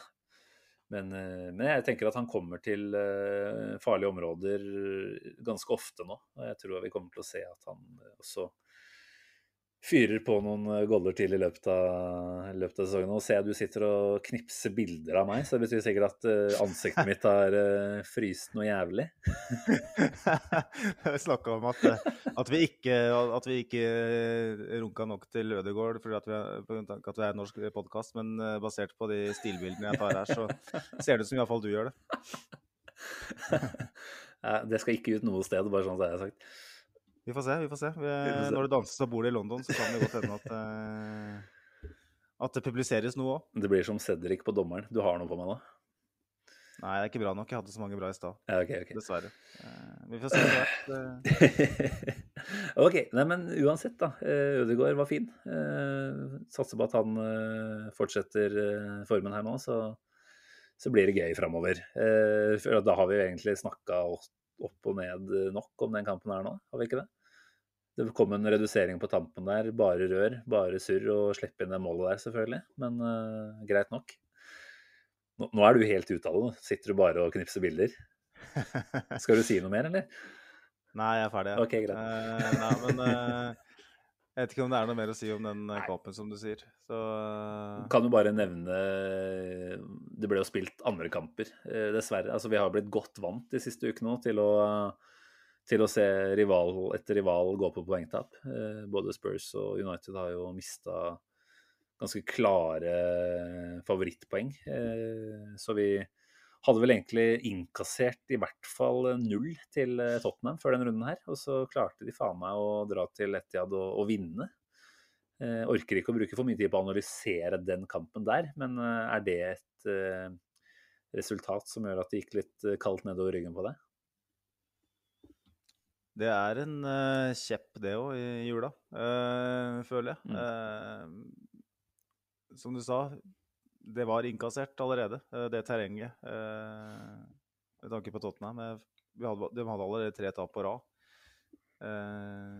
To, hvorav to av dem var veldig overraskende. Og tenkte at med én ett tap til nå, som de skal ha mot City, så, så er de nesten avvekt allerede. ikke sant? Da er de plutselig sånn at de har kniven på strupen mm. hver eneste match. Men nå er de faktisk bare tre poeng bak. De var ferdig med Etiad. Eh, og de har fått en kjempeopplevelse. Med, ikke minst fått i gang Kane, ikke minst fått i gang Kulusevski. Eh, så det, det, er, det, er, veldig veldig dårlig nytt eh, på, på sett og vis. Eh, samtidig så, så, så, så, tror jeg det er viktig å tenke på at Tottenham kanskje trives per nå bedre i et sånt kampbilde, hvor, de, eh, hvor motstanderen dikterer å ha ball, og de kan kontre. Det tenker jeg er eh, kjempeviktig poeng. Det, det, var det jeg satt igjen med også, bare for å prøve å forklare for meg selv at det er ikke grunn til å bli altfor redd helt ennå. Det var at nettopp det du sier, dette var en kamp hvor Tottenham fikk spilt på sine styrker, hvor taktikeren Conte definitivt kunne skinne på, på den måten han liker å, å skinne. Og så skal jeg innrømme at jeg kommer til å bli litt mer bekymra hvis de vinner mot Burnley midtuka. For da, da, har du på en måte kamper på to ender av skalaen i løpet av noen få dager. Så det er klart at klarer de både Etiad og Turf Moor mot et Burnley som da har en ålreit opplevelse mot Brighton i friskt i minne nå, da. Det er klart, da, da skal jeg gi deg mer rett i det du har sagt tidligere, etter at Conte kom inn, at her er det stor grunn til å frykte. Eh, for det er klart det er en selvtillitsboost for dems del etter den eh, kampen her. Og Mm. baksiden av den kan selvfølgelig også være at det blir et noe økt forventningspress fra omgivelsene. At det, det legges noe mer eh, forventninger til seg selv. om at dette, Men nå, nå var vel Conti ute og sa at det er bare 1% sannsynlighet for at vi kvalifiserer oss til Champions League før den kampen her. da. Så internt så kan det hende at de, de spiller med lave skuldre også framover. Men eh, håpet mitt er at det tillater Arsenal til å gå litt mer under radaren eh, enn så lenge. Og så, og så er vi forhåpentligvis der oppe når det skal telles opp til slutt.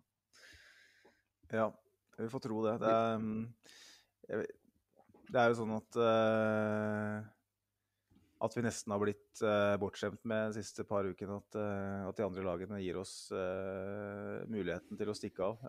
Men så er det, faktisk, er det fortsatt sånn at Tottenham bare har tre poeng bak oss. United er vel nå er det fire poeng foran, men med tre kamper mer spilt. Da. Men det er klart, det er, det, er, det er kamper til gode. Mm. og ser vi på de, ser vi på de lagene vi egentlig har kamper til gode mot, da, hvis vi skal være strenge, så er det Liverpool, Chelsea og Tottenham. Så at, eh, eh, vi er kanskje i førersetet på sett og vis, men samtidig så, så er det veldig prematurt å si at vi Ja. eh, er favoritter eh, til, til det her. Eh, United har så mye kvalitet i, i stallen sin. Jeg vet at mange krangler på det, eh, men offensivt spesielt også. Du har eh, Når du ser på benken deres kontra vår, så, så Mm. skjønner du at Mm. det er en forskjell. Eh, og hvis de finner ut av det, så skal jo de ta den fjerdeplassen her, egentlig. Men den viser jo i dag mot Leeds òg at, eh, at de er i stand til å gi bort eh, en tomålsledelse der. Eh, det sitter ikke kollektivt for United. Mot Brighton forrige match, hvor de òg vant, så var de heldige. Mm. Sånn at det er veldig veldig vanskelig å skulle si noe som helst, egentlig. Det eneste som er sikkert, er at så lenge vi fortsetter å gjøre vår del av jobben, så har vi det i våre egne hender. Ja. Og jeg er veldig, veldig spent på, på torsdagen, hvis vi skal dit allerede nå. La oss Eh, eh, gå dit. Det er Wolverhampton har vel vært bedre borte i år enn hjemme. Eh, Ok. Sånn at den, den seieren vi hadde på, på Molyneux, den, den, den var jo kjempesterk for, for all del, men kanskje er det enda mer å frykte når vi spiller hjemme mot dem. Det vi får se. Eh, de vant i dag mot Leicester, de vant sist mot Tottenham. Eh, de, de henger med, altså. De Mm. biter seg fast med den ulvekjeften sin. Og har, et, har et godt lag. De, i eh, sammen med oss så har de ingen Europacup. Uh, jeg er litt usikker på er de fortsatt med i FA-cupen, det vet jeg ikke. Men uh, de har på en måte en clean run Ja. mot, mot slutten av sesongen. Jeg tror ikke vi skal undervurdere den. Nei, absolutt ikke. Og de vet òg at de reiser til Emirates med muligheten til å virkelig melde seg på. De går jo forbi oss, da, om de vinner. Eh, Da har de jo for så vidt én kamp mer spilt, men, eh, men det er jo enda et element i at de faktisk de vil, vil gå forbi. Og det får vi jo håpe at Arsenal bruker til, eh, til sin fordel inn i forberedelsen her også. At man ser at her er det en kjempevanskelig kamp som man må være veldig, veldig godt forberedt på. Eh, Mm. Som du sier, Wolverhampton borte har vært knallsterke. De har vel fire seire på rappen på bortebanen og sluppet inn ett mål på de fire kampene der. Um, virka jo kanskje som de tok ut litt av den der merkverdige frustrasjonen som de hadde opparbeida seg etter at Arsenal hadde feira så forferdelig mye. da. Eh, at de tok ut litt av den på Tottenham.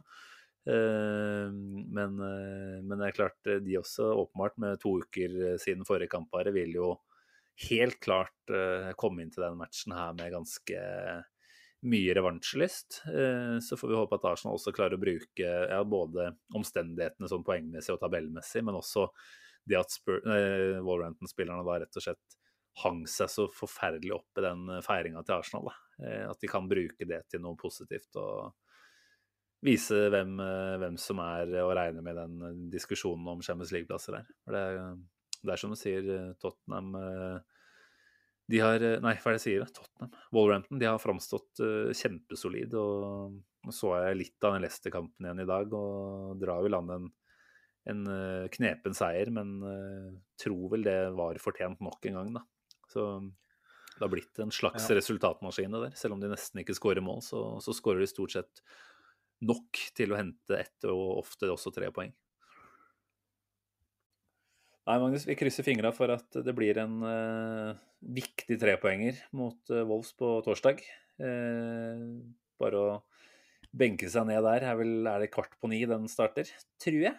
det er vel noe europaligagreier og sånt, men det er jo ikke for oss lenger. Så, så vi, vi, holder oss til Premier League den torsdagen her. Men nå tenker jeg vi kan peile oss inn på X-spillerspaltene. Hvis ikke du har noen innvendinger der, så, så tenker jeg vi skal Nå har vi faktisk ikke prata altfor lenge i dag heller, så det kan jo hende at uh, folk faktisk er våkne når de, når de er med nå, uh, fem kvarter inn i sendingen. Og da er det helt nydelig å, å bruke litt tid på X-spillerspalten din, som jo nå har fått et slags lite comeback etter å ha hatt seg noen ukers pause. Ja, det er, godt å, være tilbake i manesjen sånn sett. Og ha tid og mulighet til å skrive det. Så Hvordan har det blitt denne uka? her? Er det sånn at du har fått eh, dytta inn mellom uh, andre ting her og der? Har du liksom fått satt deg ned, brukt to timer, kost deg i X-spilleruniverset ditt? Eller hvordan har framgangsmåten vært ved denne anledningen? Nei, denne gangen her så fikk jeg faktisk satt meg ned en kveld her og bare skrevet fra start til slutt. Uh, jeg på en måte en, en, en, Uten å gå i detalj, en spiller som kanskje er enkel å presentere. Eh, så man trengte ikke gjøre så mye research. Eh, fordi jeg visste mye om den, kanskje, først og fremst.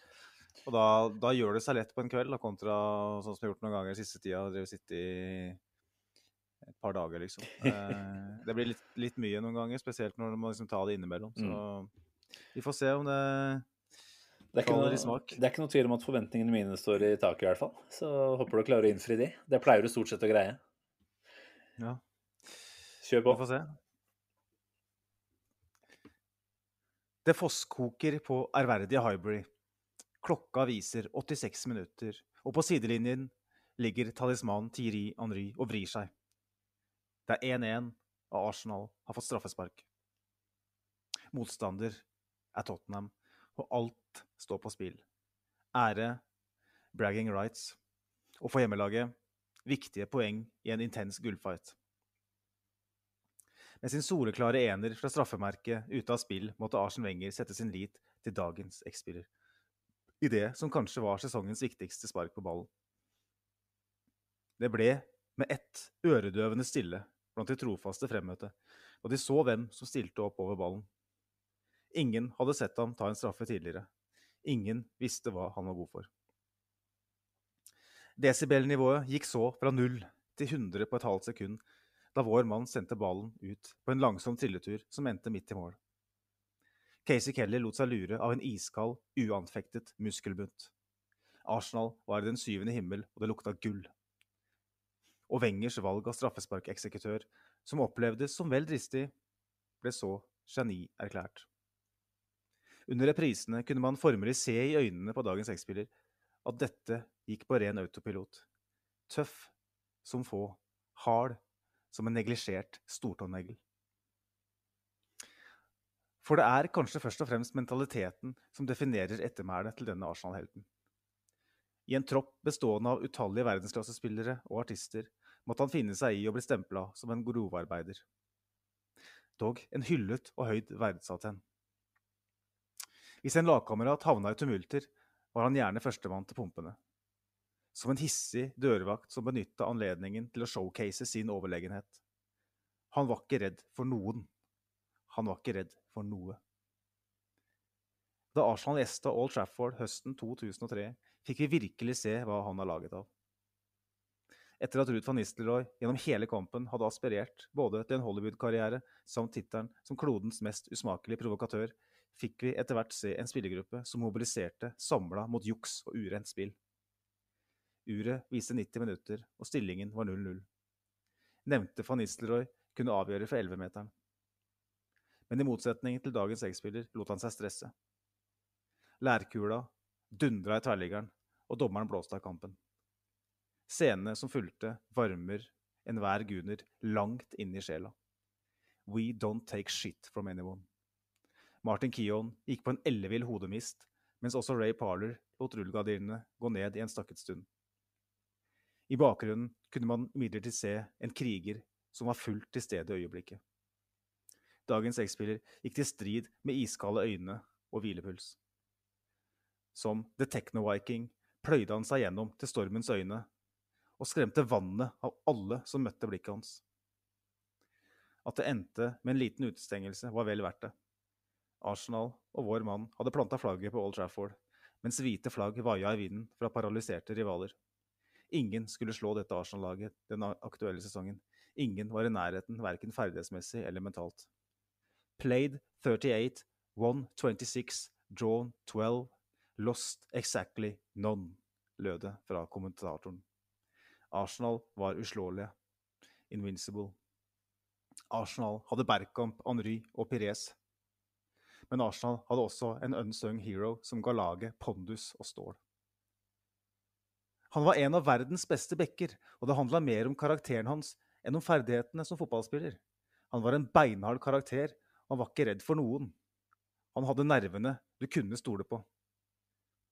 Det sa Arsen Wenger noen år senere.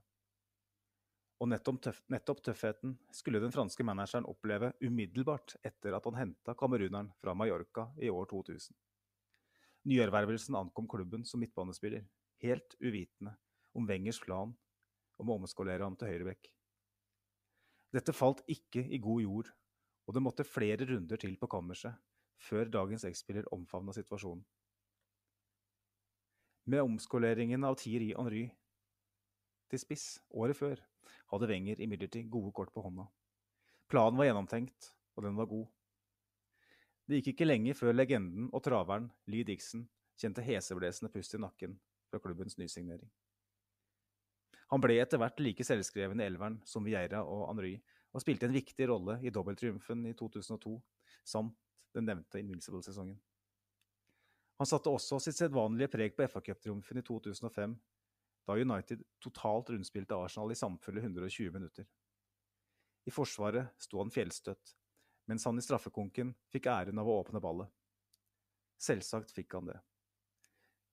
Rivaliseringen mellom de to klubbene var stadig på nivå med skipperen mot Brutus, og nervene lå tjukt som tåke på tribunene da straffekonken skulle innledes. Arsenal trengte en god start. Arsenal trengte at noen tok luven av nervehelvete. Det kunne ikke bli noen andre enn dagens X-spiller. United hadde, hadde allerede satt sin første straffe, og presset var enormt. Før han tok sats mot klittmerket, ga han tommelen opp til fansen. Han hadde allerede innkassert. Han visste at den ville sitte. Og den satt. Grunnlaget var lagt, og Arsenal gikk seirende ut. En enorm triumf etter en litt skuffende sesong i ligaen. The Gunners kunne gå smilende inn i sommeren. Den påfølgende sesongen skulle dog ende i skuffelse for den iskalde høyrebekken. En kneskade skulle sette ham ut av spill i et helt år, og det markerte også slutten på karrieren hans i N5. Nye krefter kom til, og vår mann tok turen videre til Portsmouth. I bagasjen hadde han imidlertid både store titler og legendestatus. Tiden hans i Arsenal ble en ellevill triumferd.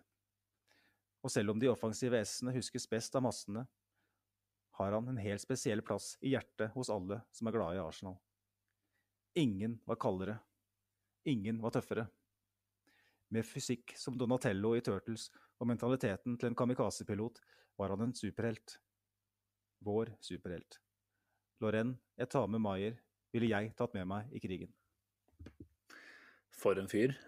Det er jo jeg, jeg, husker jo han først og fremst for eh, Old Trafford og Van Nistelrooy. Ja, altså. Altså ja, straffesparkene, men, men, han var vel en av eh, de beste i det, de scenene som utspilte seg på Old Trafford eh, mot Van Nistelrooy der. Mener jeg husker. Han ble vel utestengt det fire-fem kamper eller noe sånt. Og var vel blant de som fikk en personlig bot også, uh, mener jeg har lest. Så heftig fyr. Uh, hva han het Loreano Bizan med Maier ifølge, ifølge Wikipedia-siden hans.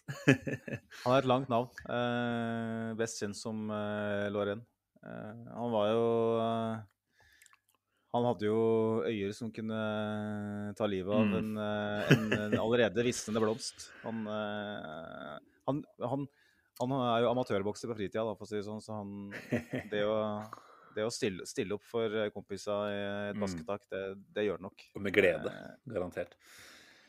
Nei, det var eh, Det var jo mye gøy han var med på. Og jeg må jo si at jeg kan faktisk ikke huske at eh, han spilte han, han gikk jo i eh, 2007, var det ikke det? Altså i den Mm. første Emirates-sesongen. Spilte han noen av de matchene der? Var han noen Nei. Han var ikke på banen i løpet av Emirates-æraen. Det er jeg ganske sikker på at han ikke var. Ja. Han uh, forsvant med skade ut i januar, uh, eller desember-januar 2006. Og så rett før den der runnen i, i Champions League som Ja, tok oss til ja, ikke sant. Og da, da kom jo Eboe. Eboe. Uh, og så var han vel egentlig bare jeg, vet, ikke. jeg, jeg tror ikke han spilte på Emirates for Arsenal, det tror jeg ikke. Nei. Men eh, det er Nei, mulig at det er noen som hører på som kan arrestere er det er bare å korrigere deg på det i så fall. Eller oss. Jeg kan ikke huske å ha sett det, i hvert fall. Jeg kan ikke huske å ha sett han med den drakta, rett og slett. Jeg husker at Eh, Justin Hoit spilte en del høyreback eh, den første sesongen òg, så det er naturlig å tenke at, eh, Mm.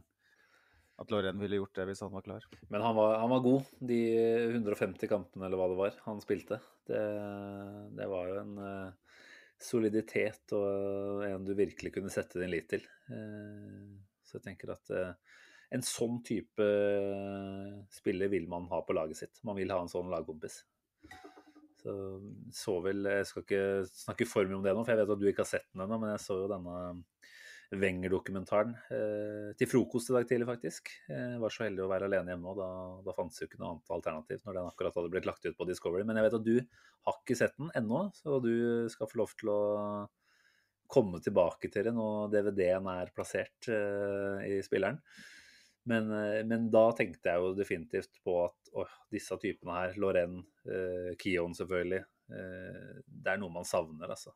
Det er noe man eh, eh, blir litt ekstra emosjonell av. Spillere som rett og slett eh, står opp for eh, lagkompisene sine, for klubben, når det er urettferdighet som utspiller seg. Så jeg føler at vi har noen tendenser til, til det i den troppen vi ser i dag. Eh, og Men om vi ikke skal dra de direkte sammenligningene med Lorenz, så, så er det i hvert fall eh, noe som eh, bærer eh, bud om at det kan bli, kan bli litt tøffe tak på den måten også, da. Jeg har sett veldig mange som har eh, dratt opp uh, Tomiyasu Ja. paralleller mot Lorraine allerede, og jeg syns jo det er veldig lettvint å gjøre. Det er vel bare rett og slett for at det er en solid back som Ja. kanskje har sine styrker defensivt, og som er en kriger eh, på banen. Eh, men det er jo sånn klassisk det, ikke sant.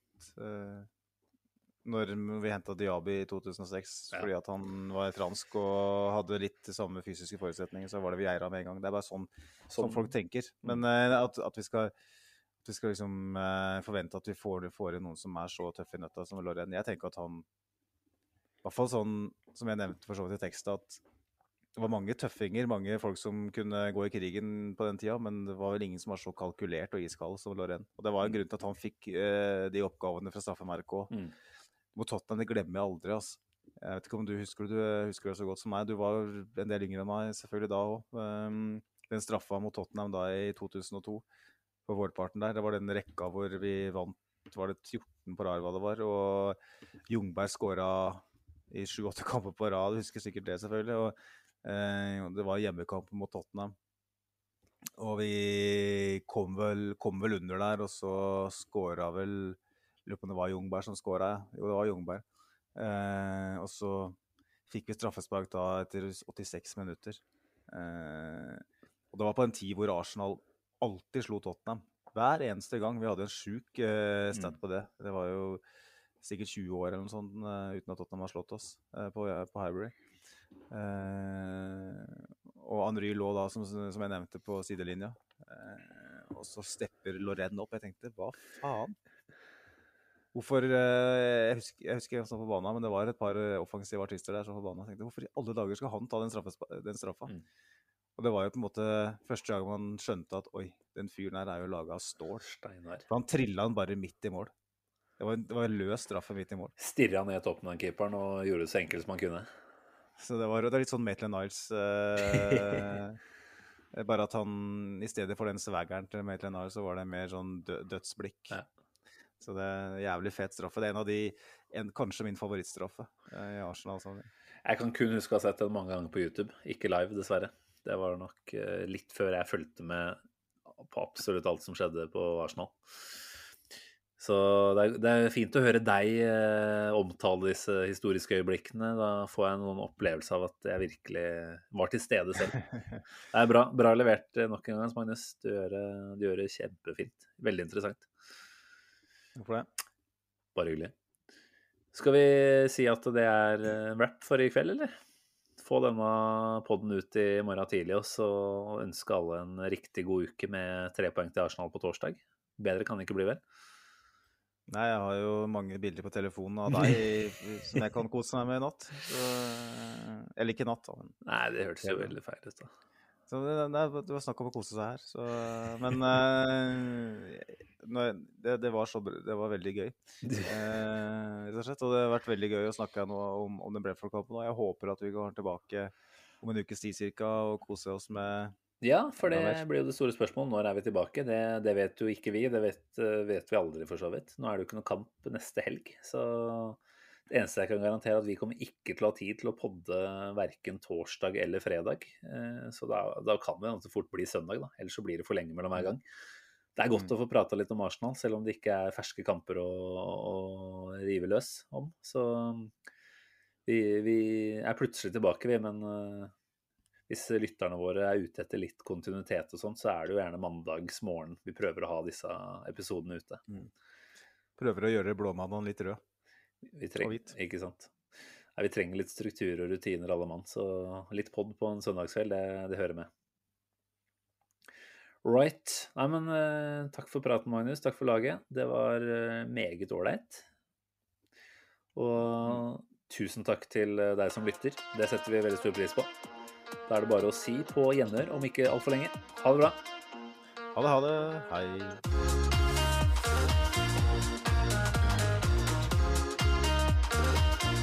This train terminates here.